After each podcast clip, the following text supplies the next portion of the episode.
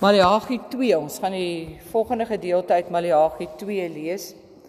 Ons gaan daarvan af vers 11 lees tot en met ehm um, vers 16. Dis wat ons vanoggend gaan doen Maleagi 2 vanaf vers en 13 vanaf vers 13 tot en met vers 16. Dis waar ons is. Julle sal onthou verlede week het ek gesê ehm um, die verhouding wat God gehad het met die volk is beskryf in die vorm van 'n huwelik. En dat God vir Israel kwaad geraak het want God het gesê Israel is besig met huweliksontrou en die rede hoekom hy dit gesê het is is hulle het agter vreemde gode aangeloop. En deur die vreemde gode heen het hulle op die ou end hom nie gedien voluit nie aan die een kant en aan die ander kant het hulle die godsdiens van die dag afgewater dis wat ons verlede week oor gepraat het. Hierdie week gaan ons verder. Ons werk nog steeds verder met die beeld van die huwelik. Nou kan 'n mens baie keer hierdie ding so lees en dink dit is nou op mans en vroue van toepassing. Ja, as jy dit letterlik wil vat, sou jy dit seker so kon gedoen het. Maar die beeld word nog steeds verder gebou. God wat in 'n huweliksverhouding met Israel is. So ons gaan nou verder kyk. Ehm um, want die een rede waarom hy vir hulle kwaad was, was omdat hulle die vreemde godsdienste ingetrek het. Vandag lees ons verder en kyk ons verder, daar's 'n tweede rede ook hoekom hy vir hulle kwaad is en hoekom hy eintlik letterlik die tempel se deure wil toemaak op hulle. So ons gaan vandag daarna kyk. Maar voordat ons dit doen, kom ons bid saam. Here, dankie dat ons ver oggend in hierdie huis bymekaar kan wees. En Here, ons is letterlik van alle windrigtinge ver oggend hier bymekaar. En U het met elkeen van ons hier 'n besondere afspraak gemaak. Elkeen van ons sit ver oggend in hierdie gebou met ons eie verwagtinge, met ons eie lewensvrae.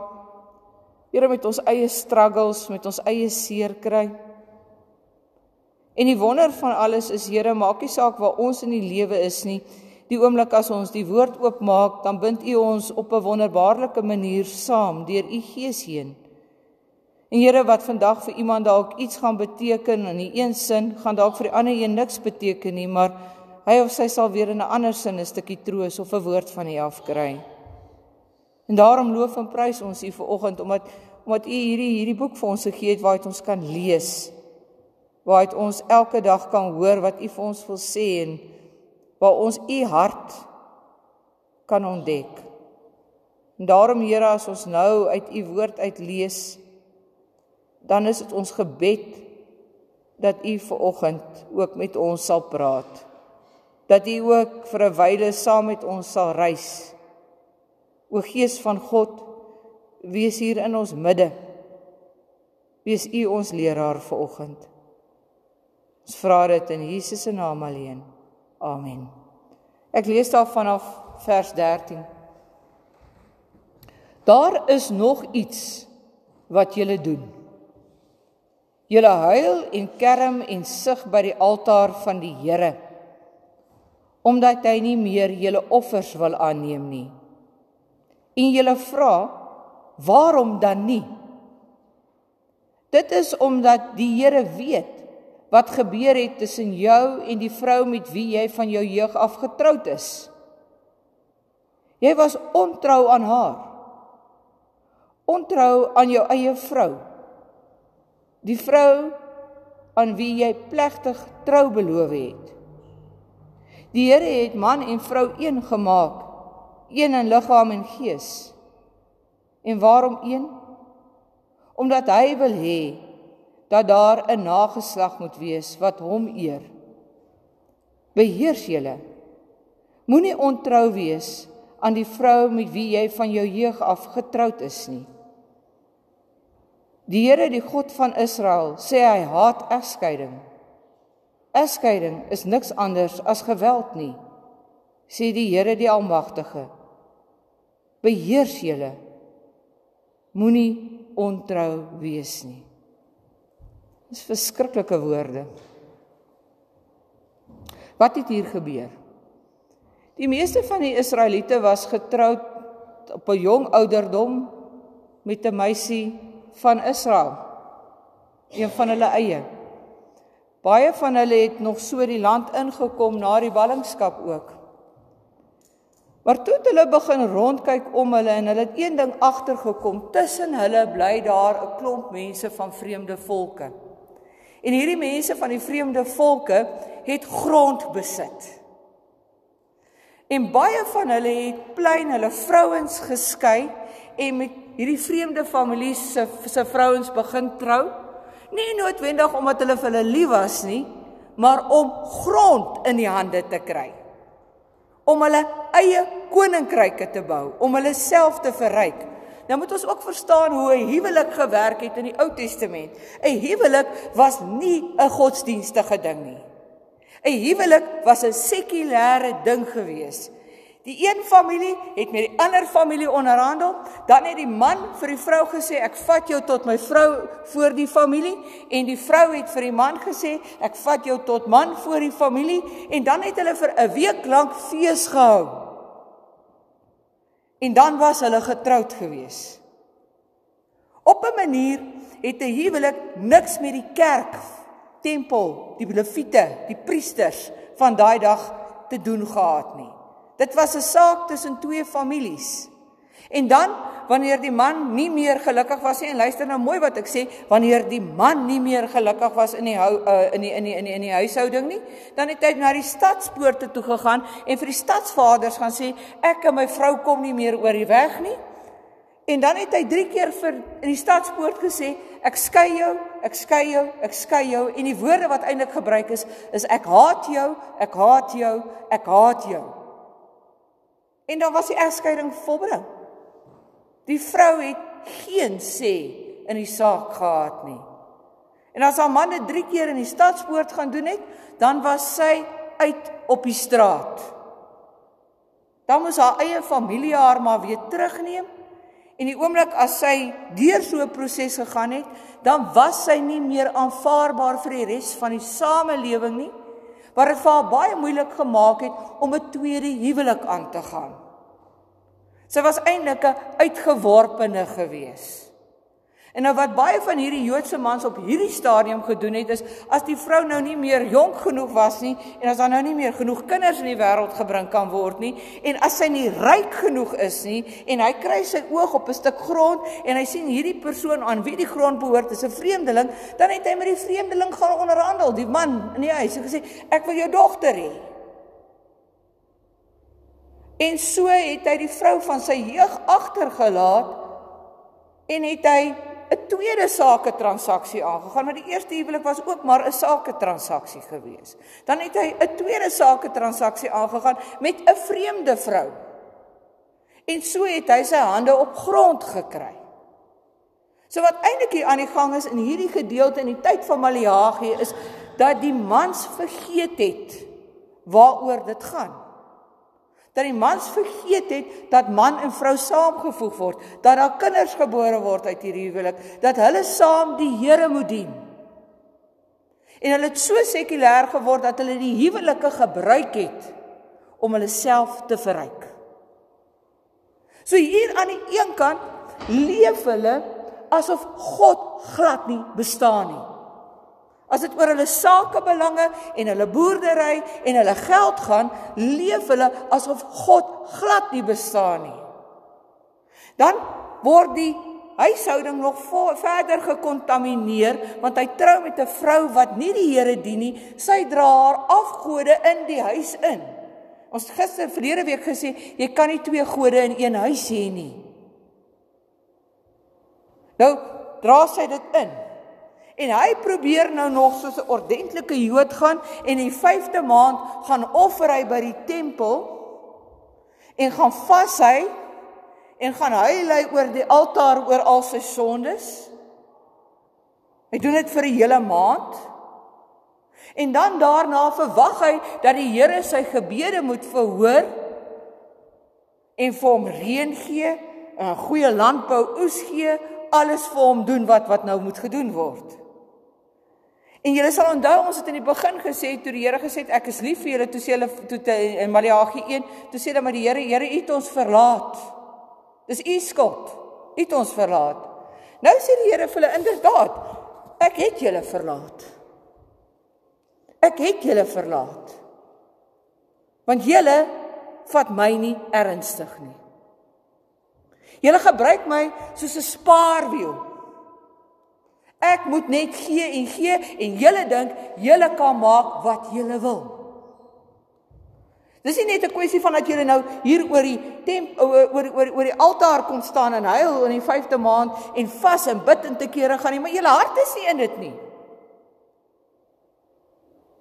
Julle bring nog offers van diere wat mank en swak en lam is. Julle wil die minimum doen, maar julle wil die maksimum uit my uit hê, sê die Here. En die Here sê eintlik vir hulle en dis die punt wat ons moet hoor. Julle het die verbond vergeet.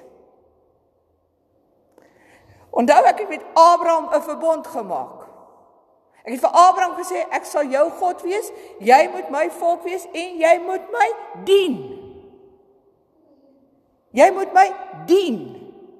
Met ander woorde, jy moet op 'n manier leef wat vir die Here gelukkig maak. Maar al wat hulle nou doen is hulle sê, Here, U is ons God. U moet nou maar vir ons sorg, U moet maar vir ons gee. Maar Here, asseblief as ons by hierdie tempel uitstap, dan U niks verder oor ons lewens te sê nie. Dan wil ons eintlik niks met U te doen hê nie. So een keer 'n jaar dan bring ek nou maar my offer na die tempel toe, want dit is wat die godsdiens voorskryf. Ek huil oor die tempel, ek vas. Maar vir die res, Here het niks daarmee uit te waai nie. En dit is wat die Here vir hulle sê, nou stop ek die bus. Ek het nou genoeg gehad.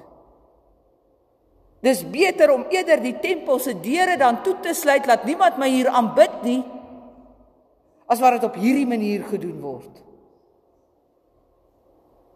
Want die verbond het twee kante. Aan die een kant is dit God wat sê ek wil jou God wees en ek sal vir jou sorg. Aan die ander kant is dit jy moet my dien. En dis 'n verhouding waarbinne ons is, sê die Here vir Israel. Maar julle kom julle kant nie na nie Israel. Julle bly nie by die vrou met wie jy getroud is nie. Met ander woorde, eintlik wat hier gebeur is, hier word 'n emosie van wantroue in God se sorg geplaas. Want wat doen ek as ek nou ewe skielik die vrou skei en nou met 'n ryker vrou van 'n ander geloof trou? Ek is eintlik besig om vir myself te sorg, myself te verryk. Ek is eintlik besig om te sê ek kan dit self doen. Ek het die Here nie nodig nie. Ek het 'n plan na naas die Here. En wat die volk besig is om te doen is, hulle is besig om 'n wantroue in die emosie van wantroue in God se sorg in te stel. So hulle hulle verwag dat hy moet reën gee, hulle verwag dat hy hulle moet seën, maar hulle hulle hulle dink glad nie is bemagte om vir hulle te sorg nie. En nou sê die Here vir hulle as dit is wat julle dink. Kom ons stop die storie nou net hier. Dan kom hierdie ongelooflike skerp woorde wat sê ek haat egskeiding sê die Here. Egskeiding is niks anders as geweld nie. Want wat doen hierdie mans wat skei? Hulle pleeg geweld. Hulle pleeg ekonomiese geweld teen die vrouens wat in hulle huishoudings was. Teen hulle kinders. En die Here is ongelooflik kwaai hieroor. Hy sê beheers julle. Moenie ontrou wees nie. En op 'n manier kan jy hoor hoe die Here skree en sê kom net tot inkeer Israel. Besef met wie jy te doen het. Julle het met die lewende God te doen. Julle het nie nodig om met vreemde vroue te gaan trou nie. Julle het nie nodig om julle eie koninkrykies te bou nie. Julle het nie nodig om te worry oor wat môre gaan gebeur en wat oormôre gaan gebeur nie. Ek sê die Here sal vir julle sorg. Leer net om my weer te vertrou. Hou op om julle eie planne te maak. Dis wat hier in hierdie teks aan die gang is.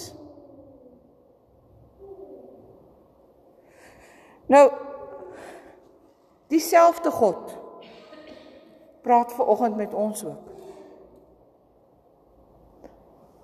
En ver oggend moet ons ook eerlik wees oor hoe ons dinge doen.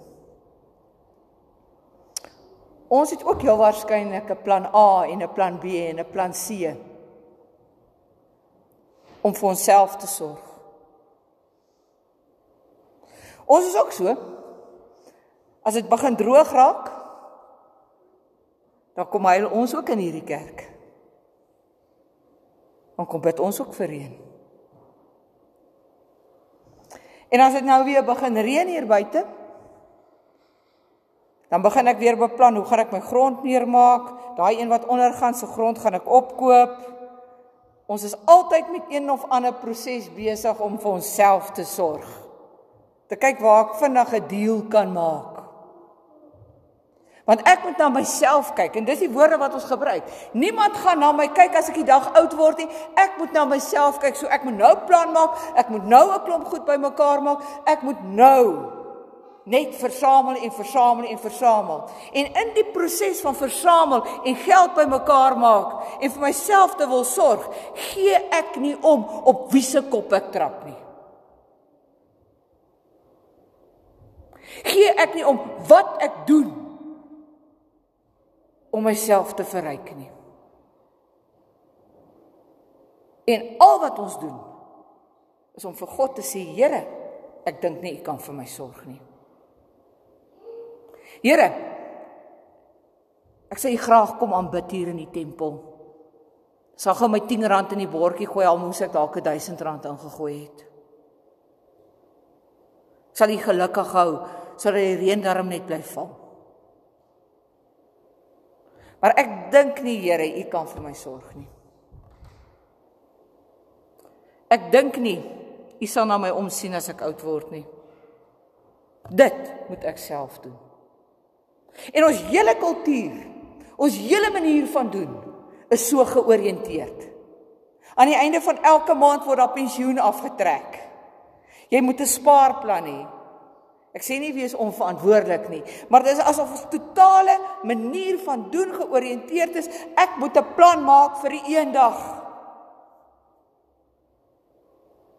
En eintlik in daai hele proses, waar is God? Want ek is so besig om af te sny vir die eendag en weg te bære vir die eendag dat ek die Here se werk skade dat lê in die hede.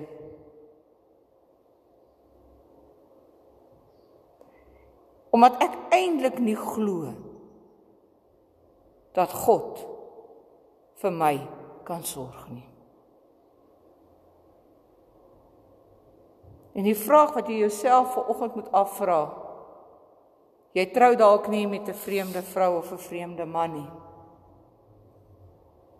Maar hoe lyk jou plan A? En hoe lyk jou plan B? En hoe lyk jou plan C?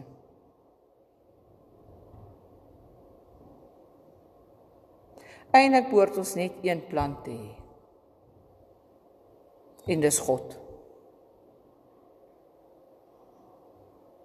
Ons behoort elke dag dit wat ons uit die hand van God ontvang as 'n gawe te sien waarmee hy vir ons sorg maar wat ons weer moet gebruik om vir ander om ons te sorg. En die oomblik as jy met daardie vryheid begin leef en met daardie filosofie filosofie begin leef dan weet jy môre sal die Here weer help. En oormôre sal die Here weer help. En ek weet jy's van julle wat in hierdie gebou sit wat so leef elke dag. En as ek vandag vir jou moet sê, kom staan hier voor by my, dan sal jy daarvan kan getuig. Jy gaan nie honger nie. Jy het alles wat jy nodig het.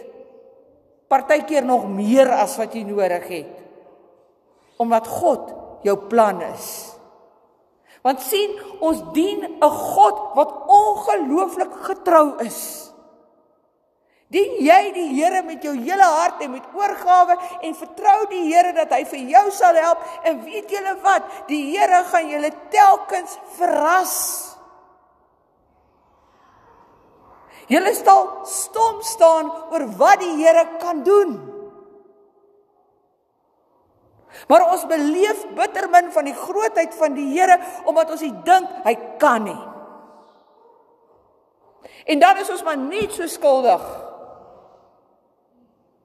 soos hierdie klomp Israeliete.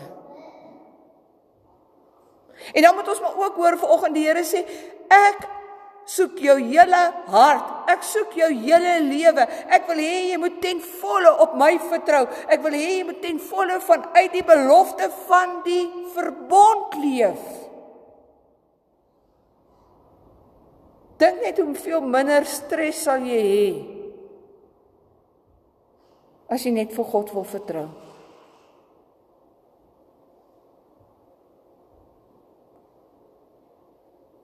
Dit help nie. Ons bid lang gebede en huil baie trane. Maar ons vertrou nie die Here nie. Dit bring ons niks in die sak nie. En op 'n manier moet ons dalk ver oggend vir 'n paar oomblikke stil word en onsself net ondersoek. En vir onsself afvra wat is my planne wat ek maak?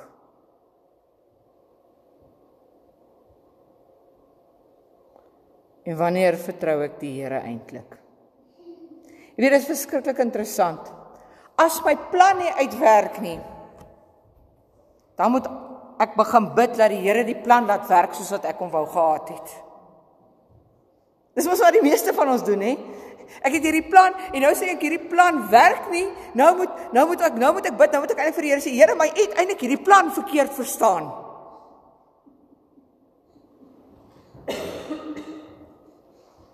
Here, het my nie mooi verstaan nie. Die plan lyk so. Dis wanneer ons moet baie ernstig begin bid. In plaas daarvan dat ons net op God se plan leef. En ek sê vir God vertrou dat hy die beste weet. Dis wat hy eintlik vir ons kom sê. Vertrou my net. Julle ken my storie. Ek staan al 20 jaar in Filippolis. Omdat God sorg. Ek dink my familie dink ek's partykeer mal. Ek weet my maat gedink ek is mal. Want elke keer as daar 'n pos oop gegaan het, sê hy gesê doen aansoek. Maar God sorg. Omdat ek God se plan volg. Kyk na jou Rina, kan dit van jou ook sê, want ek weet dit is waar van jou. Ek kyk vir my suster en ek kan dit van haar ook sê, want ek weet dit is waar van haar lewe ook. Kyk na my tannie en ek kan dit van haar ook sê. Ek kyk na Janne Marina en ek weet ek kan dit van hulle ook sê. Ek pinpoint sommer nou jammer as ek dit gedoen het. Maar dis mense van wie ek dit weet. Die Here daag ons uit vandag om net sy plan te volg. Dan sal dit goed gaan. Maar as jy 'n plan B en 'n plan C en 'n plan D het en as jy vir God kwaad raak om jou eie plan nie uitwerk nie, dan moet jy dalk net 'n paar oomblikke stop en vra, is hierdie plan ooit 'n goeie plan? Mag die Here ons genadig daarin wees.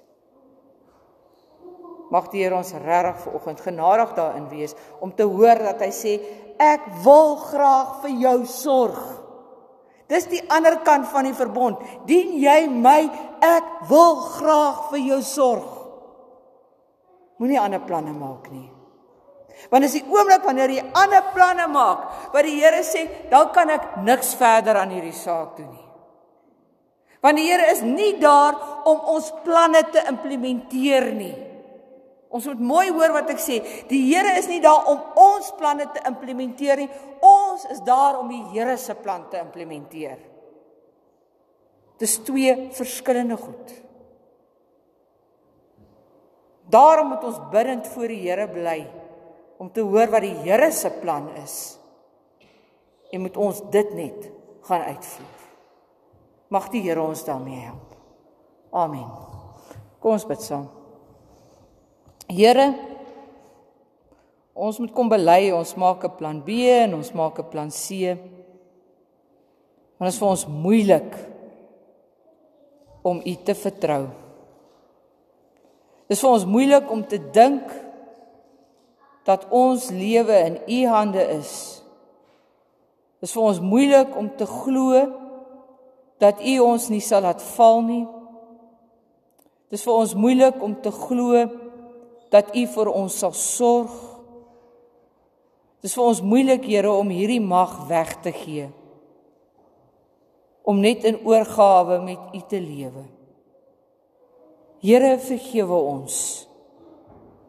Vergewe ons as ons allerlei planne het om vir u te om vir, vir onsself te sorg en dan vir u te dwing om ons planne te seën.